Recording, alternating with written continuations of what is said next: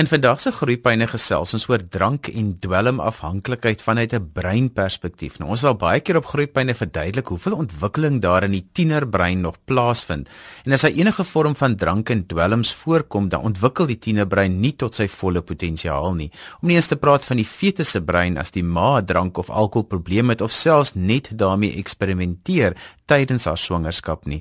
Sonja Squires is van die organisasie Neurolink en ons gesels vandag met haar hieroor. Sonja, baie welkom by Groepyne. Hi, baie dankie Johan. Sonja, hoekom kyk ons na die impak van drank en dwelms vanuit 'n breinperspektief? Meestal kyk mense daarna vanuit die impak wat dit op die gesin se sosio-ekonomiese omstandighede het. Absoluut. Weet jy wat, as mens die brein in oog kry, dan is dit eintlik 'n kwessie van jy neem 'n stapie terug en jy gaan nader aan die wortel van die probleme wat ontstaan want elke mens se bestuur en bewussyn word vanuit die brein bestuur en as 'n mens homself nie kan handhaaf in verhoudings nie moet jy gaan soek wat is dit wat in die brein verkeerd gaan waar die setel van alle denke is en alle besluite wat weer gedrag beïnvloed baie alkoholiste en dwelmafhanklikes se probleem begin in die tienerjare Absoluut. Weet jy, jou tienerjare is jou mees kwesbare tyd. Dit is ontluikende seksualiteit.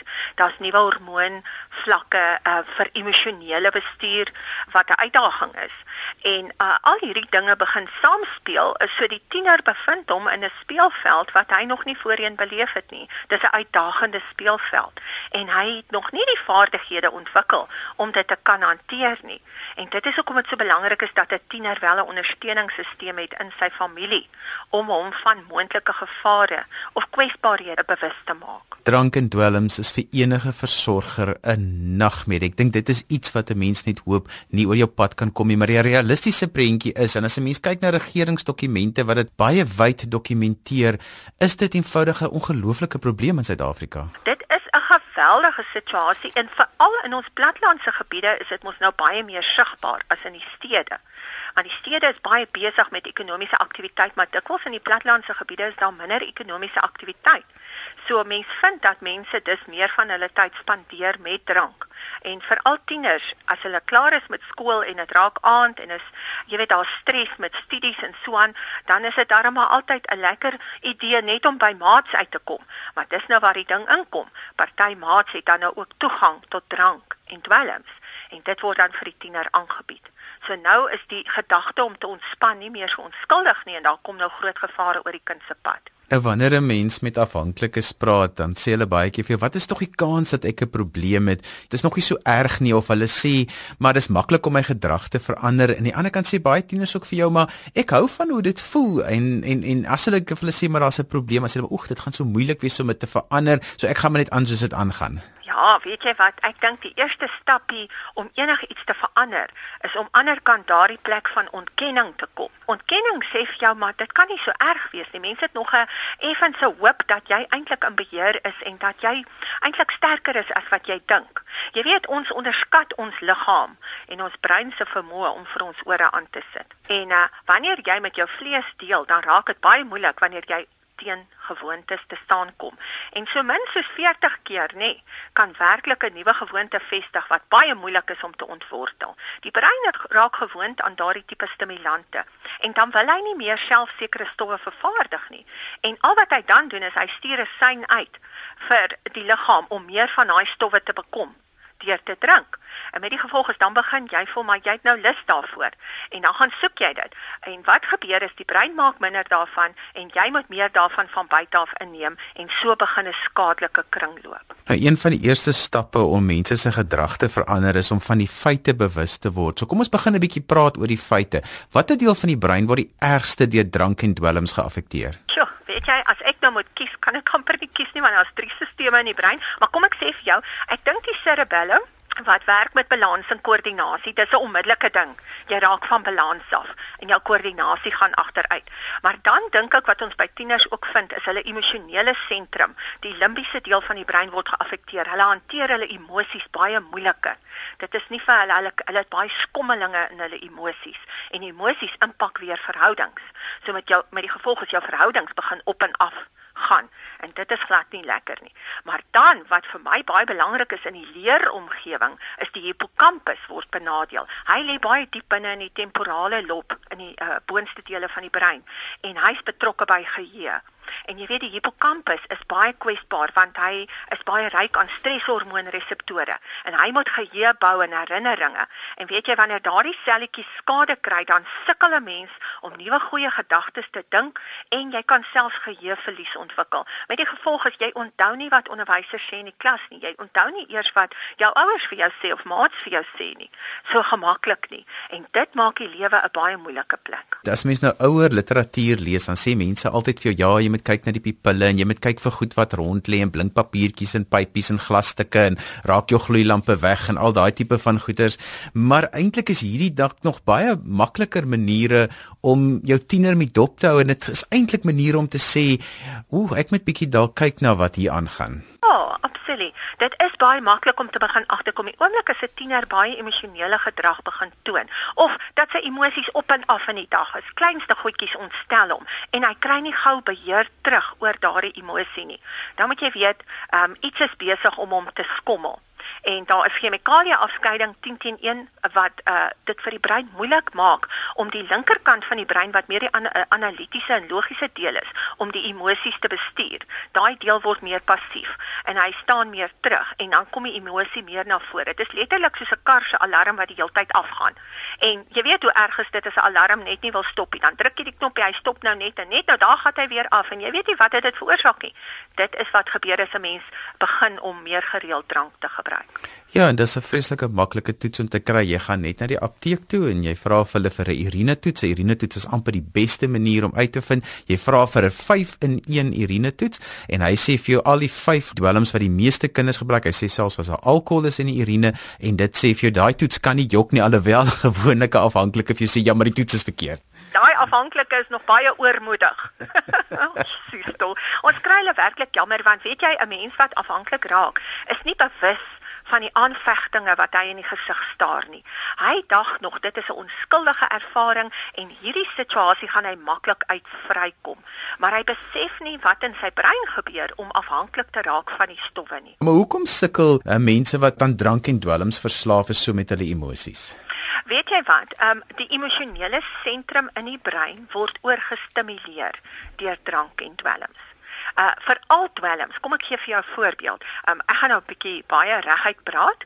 Um wanneer 'n 'n man en 'n vrou saam slaap, nê, nee, dan het hulle 'n gevoel van plesier as dit nou goed uitwerk. Sê nou dit is op 'n skaal van 0 tot 100, is dit 'n 100 positiewe ervaring van plesier, nê? Nee. Want dit is as gevolg van stowwe wat afgeskei word tydens die seksuele daad. Dopamien, serotonien, oksitosien en endorfine. Nou wanneer jy dwelms gebruik, word daai selfde stowwe afgeskei. Maar op 'n skaal van 0 tot 100, die dwelms opereer nie daar nie. Byvoorbeeld, as jy drink, dan skei dit tussen 100 en 200 maal daai gevoel se stowwe af. As jy byvoorbeeld kokaine gebruik, skei dit 1200 maal daai stowwe af. As jy hierdie meth substansies gebruik, 1600 maal. So wat gebeur is daardie persoon, daardie tiener het 'n ervaring van plesier en ekstase wat 'n absolute verrukking is. En wat nou gebeur is wanneer daardie kind in 'n moeilike situasie is, dan wil hy weer net goed voel want dan voel hy ten minste die druk is van hom af. En wat laat hom nou baie vinnig goed voel? Nie die uitsorteer van die probleem nie, net vinnig ietsie inneem. En dit is hoe 'n kind afhanklik word, want hy wil vinnig uit die situasie uitkom van sleg voel of indruk wees. En daar is 'n maklike in aanhalingstekens oplossing. Maar daai maklike oplossing, wat gebeur is die brein word so beroof van daardie stowwe dat net na daai ervaring val daai kind dan in 'n absolute emosionele gat. Want nou is daar nie stowwe vir môre en oormôre om af te skei nie. Die brein moet nou eers weer vervaardig in die ingewande en in die brein self om te kan afskei. En in die tyd wat daar nie dopamien en serotonien afskei nie, ervaar jy hierdie absolute totale gat, bodemlose gat en depressie. So daar is gevolge alhoewel daar 'n goeie gevoel is aan die einde en dit is 'n baie slegte ervaring vir die mense. Sonja, wat is so belangrik as 'n mens met 'n afhanklike werk is dat hulle beloof altyd vir jou want hulle eintlik baie keer wil baie graag hierdie afhanklikheid oorkom, maar hierdie ding wat in die brein is, hierdie hongerte, is sterker as enige belofte en ek dink vir iemand wat daarmee moet saamleef, is dit baie goed om te besef wat jy net gesê het van intensiteit, van hoe sterk is daai drang. Dit is sterker as die mens self en en 'n mens moet werk met daai drang en nie daai mens veroordeel nie, nê. Nee. Oh, dit so belangrik Johan, want weet jy wat? Ek dink so aan daai vers in 1 Korintiërs 13 wat sê die liefde eindig nooit nie en in Engels sê dit love never fails. En as 'n mens werklik in liefde met iemand wandel, dan kan jy vergewe en jy kan bystaan, jy kan wakker en paraat wees. Jy het nie onrealistiese verwagtinge van iemand anders wat absoluut kwesbaar is nie. En jy byt vas. En elke dag is 'n nuwe stoei. En jy weet daai stoei geveg hou nie op totdat daar volkomme oorwinning is nie. En mens weet nooit, elke mens se liggaam is anders en sy brein reageer anders. So die herstelperiode uh, kan langer wees vir party mense is verander. En 'n mens moet absoluut realisties bly en sê elke dag is 'n nuwe geveg. Sonja, want as hulle vir jou beloof nê dat hulle nie weer sal nie, dan bedoel hulle dit. Maar as hierdie, soos ek altyd sê, as hierdie hongertier hulle begin opvreet, dan is dit net ongelukkig buitekant hulle beheer korrek. Want weet jy wat, onthou nou die brein word ook geraak in sekere dele uh, wat ons nie regtig oor beheer het nie. Jy weet daar in die breinstam, hartklop en asemhaling en liggaamstemperatuur is alles, soos ek sal sê, outomatiese aksies wat plaasvind. In die basal ganglia is daar ook outomatiese aksies. En nou moet jy onthou, dan vat die brein oor.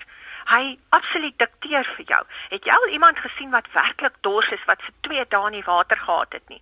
Hoorie, hy sê jy uit die pad uit loop net om 'n glasie water te kry. Daar is nie meer hoër orde gedrag soos om bedagsaam te wees, om asseblief te vra, om op aandag te staan en te wag vir ja nie. Jy weet jy storm sommer iemand uit die pad uit. Hulle praat baie keer in die oorlogsituasies daarvan as mense regtig vir 'n rukkie sonder kos en water moes gaan, hoe dat daai soldate sal letterlik oorgee net om water en kos te kry. Jy kom by basiese drange uit. En dis presies wat ook gebeur met dwelms en drank. Jy is op 'n vlak van basiese drange waar die brein eenvoudig alle hoër orde funksies oorskryf en afskakel en net fokus op daardie bevrediging van daardie stof. Ons gesels vandag oor drank en dwelmverslawing vanuit 'n breinperspektief en wat 'n negatiewe uitwerking dit veral ook op die tienerbrein het. As jy die eerste gedeelte van vandag se groeipyne gemis het, laai dit gerus af as 'n potgooi by rsg.co.za. My gas vandag is Sonja Squires en sy is van die organisasie Neurolink. Kom ons praat 'n bietjie Sonja oor dis so moeilik om met 'n drank of dwelmafhanklike te kommunikeer, veral jou tieners want hulle het nog so baie ander dinge ook en as hierdie nou nog 'n probleem is, raak dit net soveel moeiliker. Dit is waar. Um 'n tiener moet iemand vertrou dan kan daardie persoon met hom kommunikeer. As 'n tiener iemand nie vertrou nie, dan raak dit baie moeilik om die boodskap deur te kry want daai tiener skakel homself eenvoudig af. Jy sien dit in tieners se lewens, in hulle uh, sosialisering ook. Uh, as hulle maat sit wat hulle vertrou, sal hulle eerder by daai maat 'n stukkie inligting vat as wat hulle dit vat by iemand wat 'n professor of 'n dokter is of selfs 'n mamma of 'n pappa wat omgee. So baie belangrik vir ouers om 'n vertrouensverhouding met 'n tiener te bou en natuurlik die regte tyd te kies om met 'n tiener te praat. Want dit help nie jy praat met die tiener as hy nou besope inkom of as hy nou net 'n dwelm ervaring gehad het nie of as hy sit met die newige effekte en hy's nou in 'n gat van depressie vir die volgende paar uur nie. Mens moet letterlik wag tot die brein weer stabiliseer want die brein moet tog jou boodskap aan daardie tiener prosesseer. En as die tiener se brein in 'n kwesbare plek is, kan hy nie eers ordentlik hoor of verstaan wat jy vir hom sê nie. En hy lees alle gedrag met 'n ondertoon van emosie. Met ander woorde, hy beskou alles vanuit 'n perspektief jy is vir my of jy's teen my. En dit is baie belangrik om voor die tyd net vir so 'n tiener te sê, ek is jou vriend. Ek is regtig lief vir jou. Ek wil jou graag help. Mens moet dit altyd voor die tyd verklaar, dan word die tiener rustig. Ja, en ek sê altyd hou maar die woordjie hoekom moet jy maar so ver as moontlik van so 'n gesprek af hou want baie keer luister die tiener na wat jy sê, maar ander hoor ook weer net hoe jy dit sê, nê? Nee, weet jy, die brein is so bedraad dat die linkeroor ehm um, gelei emosionele taal, met ander woorde na die brein toe. So dan lees jy mense se gedrag. Jy hoor dit wat nie gesê word nie. Terwyl die regteroor gelei weer die feite en die inligting na die brein toe. So party tieners luister eers met die linkeroor, die emosionele gedrag, meer musikaal ook, en ander tieners luister eers met die regteroor, die feitebrein. As jy nou kom met jou feite, maar hulle luister vir emosie, dan gaan jy dalk die pot missit baie belangrik om jou stem gelykmatig te hou, liefdevol te hou en absoluut nie daar te gaan met aanklagte en hoekom en verduidelikings te vra vir so 'n kind nie. Sonja, ons het altyd al met ouers gepraat wat met hierdie substansieafhanklikheid in hulle huishoudings elke dag basies moet hanteer en altyd wen die substansie. Wat sê ons vir sulke ouers en versorgers wat regtig met hulle hande in die hare sit? Weet jy wat, dit is 'n saak wat professionele aandag vra. Ehm um, ons dink baie keer ons kan dit by onsself uitsorteer, maar letterlik het 'n kind partykeer monitering uh, 24 ure 'n dag nodig uh, tot hy by 'n sekere punt uitkom. En ons onderskat die feit dat net professionele hulp partykeer die antwoord kan wees, want jy weet die brein is eintlik siek op daai stadium en hy het hulp nodig. En tensy ons die kennis het en ons kan onsself toewy 24 ure 'n dag aan daardie kind, sal ons nie die pyp kan rook nie en ek dink ons moet ons beperkings ook in die gesig staar. Ja, en rehabilitasie is so duur roete. So mens moet maar 'n bietjie rondbel want daar is nie winsgewende organisasies wat tog vir 'n mens op 'n sekere manier kan help. Al is dit as 'n buitepasiënt, al is dit net om familieterapie te gee. Moenie net na die eerste beste kliniek toe gaan en hierdie klomp geld betaal. Jy doen jou huiswerk. Absoluut Johan, doen jou huiswerk. Jy weet dit is ook so belangrik om te vra vir een of twee verwysings van 'n re rehabilitasiesentrum. Gee vir ons mense uh, wat herstel het sodat ons met hulle kan praat om te hoor hoe hulle dit beleef en hoe hulle teruggekom by 'n plek waar hulle weer beheer het. Want as as daar nie suksesgevalle is by 'n rehabilitasiesentrum nie, dan moet jy in die eerste plek nie eens so intoe gaan nie. Ja, 'n rehabilitasiesentrum is maar net om die wegspringplek te kry van rehabilitasie. Daar lê nog 100 meter voor wat 'n ouer die pad moet stap. Ja, want jy sien, dit is die herstel van vertroue. Want onthou nou, 'n kind wat nou hierdie tipe van substansies gebruik, nê, se gedrag kom ons nou in gedrang. Kyk, hulle kan jok, hulle kan steel, hulle word dalk gewelddadig, hulle vloek, hulle raak aggressief of hulle kan wegkruip en onttrek en heeltemal passief raak en dit affekteer mos nou 'n mens se vertroue in mekaar en maak dat 'n mens baie keer nou ook nie eens meer lus het vir mekaar nie. Ja, en ek sê altyd moenie die kind afskryf, jy skryf die afhanklikheid af. Sy, dit is pragtig, ek stem saam. Nou as 'n mens 'n bietjie kyk na die fetus en um, die impak wat drank en dwelms op die fetus het, wat duidelik 'n bietjie dat 'n mens ook bewus is van daardie feite. Weet jy wat? Ja, ons praat van teratogeniese invloede. Dit beteken skade aan die ontwikkelende fetus. Nou alkohol is so 'n tipe invloed. Hy doen geweldig skade aan die ontwikkelende fetus want in die baarmoeder groei die brein teen 'n geweldige spoed. En ehm um, alkohol het 'n baie selektiewe manier waarop hy te werk gaan. Hy uh val net sekere dele van die brein aan nie die hele deel nie. Uh met met MRI scanning en PET scanning dis dan kan mens baie sien wat alkohol doen in 'n brein. En as jy byvoorbeeld gaan kyk na fetale alkoholsindroom of effek um op 'n kind dan uh, gaan jy sien dat byvoorbeeld die corpus callosum van so 'n kindjie is kleiner as die corpus callosum van 'n ander kind wat nie blootgestel was aan die alkohol nie. Nou die corpus callosum is die bondelspiertjies in die middel tussen die linker en die regter brein hemisfere en hy verbind die linker en die regterkant. Nou kan jy net dink, die heel voorste punt, die geno is kleiner en aan die agterkant die istimus en die splenium is ook kleiner.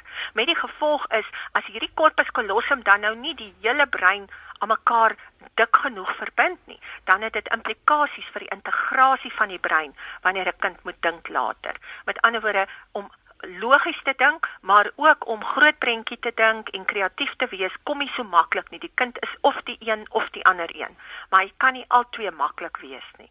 Byvoorbeeld, 'n um, ander ding wat gebeur is byvoorbeeld as dit regtig vertel alkoholsindroom is, dan het die kind later ook abnormale gesigvorm. Byvoorbeeld die koppie is kleiner, die oortjies is kleiner, um, en ons sien selfs die sentrale senuweestelsel het het sekere um, wanorde wat daar aan die gang is. uh byvoorbeeld jou fynmotoriese groot motoriese aksie word geaffekteer. En jy weet as 'n kind byvoorbeeld 'n pen moet vashou, hy sukkel om te leer skryf later. As hy moet kruis oor oefeningkies doen, dan kom daai goedjies vir hom baie moeilik. 'n Ander ding wat hulle ook gevind het met fetale alkoholsindroom van die baba se kant af is soos hy nou groot word, sukkel hy om geheue te bou dis 'n baie belangrike ding. Met ander woorde, 'n kindjie wat fetale alkoholsindroom het en ons het baie van hulle in ons skole in die hoofstroom vandag. Hulle stoei werklik in die klassituasie om by te bly. Ek het al met fetale alkoholsindroom kindertjies gewerk uh, in graad in die fondasiefase, graad 1 tot 3 en dan het ek met hulle gewerk in graad 9. En my hart breek absoluut vir daardie kind uh, want hy sê Tannie, hoekom kan ek nie presteer nie? Ek kan niks onthou nie. En jy weet dan weet ons dat daardie dele van die brein wat help met onthou is geïmpak deur die alkohol toe hy nog in die baarmoeder was. En dit is 'n vreeslike hartseer saak. Dis hoekom ek altyd vir mamma sê, jy besef nie wat jy doen wanneer jy 'n drankie neem terwyl jy swanger is nie. En dis hoekom ek ook vandag hierdie vraag gevra het sodat uh, moeders moet weet wat die impak gaan wees. Ek wil iemand baie kortliks gou gepraat oor slaap want ons weet die tienerbrein het meer slaap nodig as enige ander deel omtrent van 'n mens se ontwikkeling behalwe as jy nou 'n baba is. En die verandering in slaappatrone kom baie keer voor as daar um, substansieafhanklikheid is. Absoluut. Weet jy wat? Die brein moet in diep slaap kan ingaan, maar hy moet ook REM slaap, die rapid eye movement noem ons dit slaap. En in, in daardie fase 3 en 4 waarin die brein uh, eintlik jou aan die slaap gemaak het sodat hy sy werk kan doen. Wat gebeur is baie van jou analitiese data word verpak en word in lertjies gesit in die brein en met ander woorde die brein uh, verwerk jou dag vir jou, jou inligting, dit wat jy deurgegaan het. Nou wanneer 'n mens of alkohol gebruik wat die slaappatroon versteur of in daai diep slaap ingaan sonder dat die brein kans kry om om daardie inligting te verpak, staan jy die volgende oggend op en Al die inligting is nog steeds in jou brein. Met ander woorde, dit is nie verwerk nie. Met ander woorde, jy het 'n swaar gevoel, jy's sommer klaar omgekrap. Uh emosioneel is daar nie verwerking gewees van die chemiese stowwe nie. Met ander woorde, jy vind dat jou brein is nog steeds oorbelaai. Nou sien jy nie kans vir die dag nie, want jy klaar, jy staan met 'n swaar gemoed op. Ek sê altyd jy weet alkohol gee mense kopseer uh na die tyd, maar daai kopseer is eintlik ook 'n hartseer, want die hart se seer en pyn word nie verwerk as jy nie diep slaap nie. Die Bybel sê mos die Here gee alles aan sy beminde in hulle slaap. En wanneer 'n mens genoeg slaap kry, verwerk emosionele seer ook of skokke of ontnigterings en teleurstelling. Nou alkohol laat jou goed voel terwyl jy wakker is, maar hy help jou nie wanneer jy slaap om dan ook daardie chemikalieë uit te werk nie. Sonja, ons tyd is verby, maar ek wil net graag hê jy moet vir ons die vier stappe net noem kortliks oor hoe verander mense hulle gedrag wat ons tyd is verby, so hou dit baie kort en dan sal ons in 'n volgende program meer in detail daaroor gesels. Nee, as reg Johan. Weet jy, gedrag verander geleidelik. So ons moenie onrealistiese verwagtinge hê nie, soos jy gesê het. Elke dag is 'n nuwe uitdaging en ons moet weet dit gaan tyd vat. Gedrag verander deur logies te wees. Mense moet vir mense feite gee. Hulle moet kan sien hoe lyk die brein as hy geïmpak is deur alkohol of deur dwelms. Dan begin dit 'n impak maak en hulle begin besef dit is dalk met hulle ook die geval uh gedrag verander deur herhaling want jy moet nuwe paadjies in die brein bou. So 40 keer ten minste om 'n nuwe paadjie te bou sodat die brein 'n opsie het om iets anders te kies en natuurlik deur bewyse. Soos jy monitor uh hoe iemand vorder en jy hou boek van vordering, dan sien hierdie mens, liewe land, daar is tog lig aan die einde van die tonnel. Kyk waar was ek voorheen? Kyk waar is ek vandag? Net dagboek hou en daagliks terugvoer kry is bewyse wat 'n mens kan aanmoedig om te aanhou toepas, om weer te probeer al is daar terugslag. Sonja, hoe kan ouers met jou kontak maak as hulle dalk spesifieke navrae het? Johan, hulle kan vir my 'n uh, e-pos stuur. Dit is Sonja S O N J A. Squires S Q U I R E S @neuralink n e u r o l i n k.co.za. Dis aan alwaar vir ons tyd het vandag. Dankie dat jy na Groepyne geluister het. My gas was Sonja Squires en ons het gesels oor drank en dwelmverslawing vanuit 'n breinperspektief en wat 'n negatiewe uitwerking dit veral op die tienerbrein het. Skryf gerus my indien jy enige navrae het oor vandag se program. My e-posadres is groepyne@rsg.co.za. Ons gee ons gasse kontakbesonderhede ook op Groepyne se Facebook bladsy. daarmee groet ek vir vandag namens programregisseur Liselde Brein en ek Johan van Lille tot volgende donderdag. Totsiens.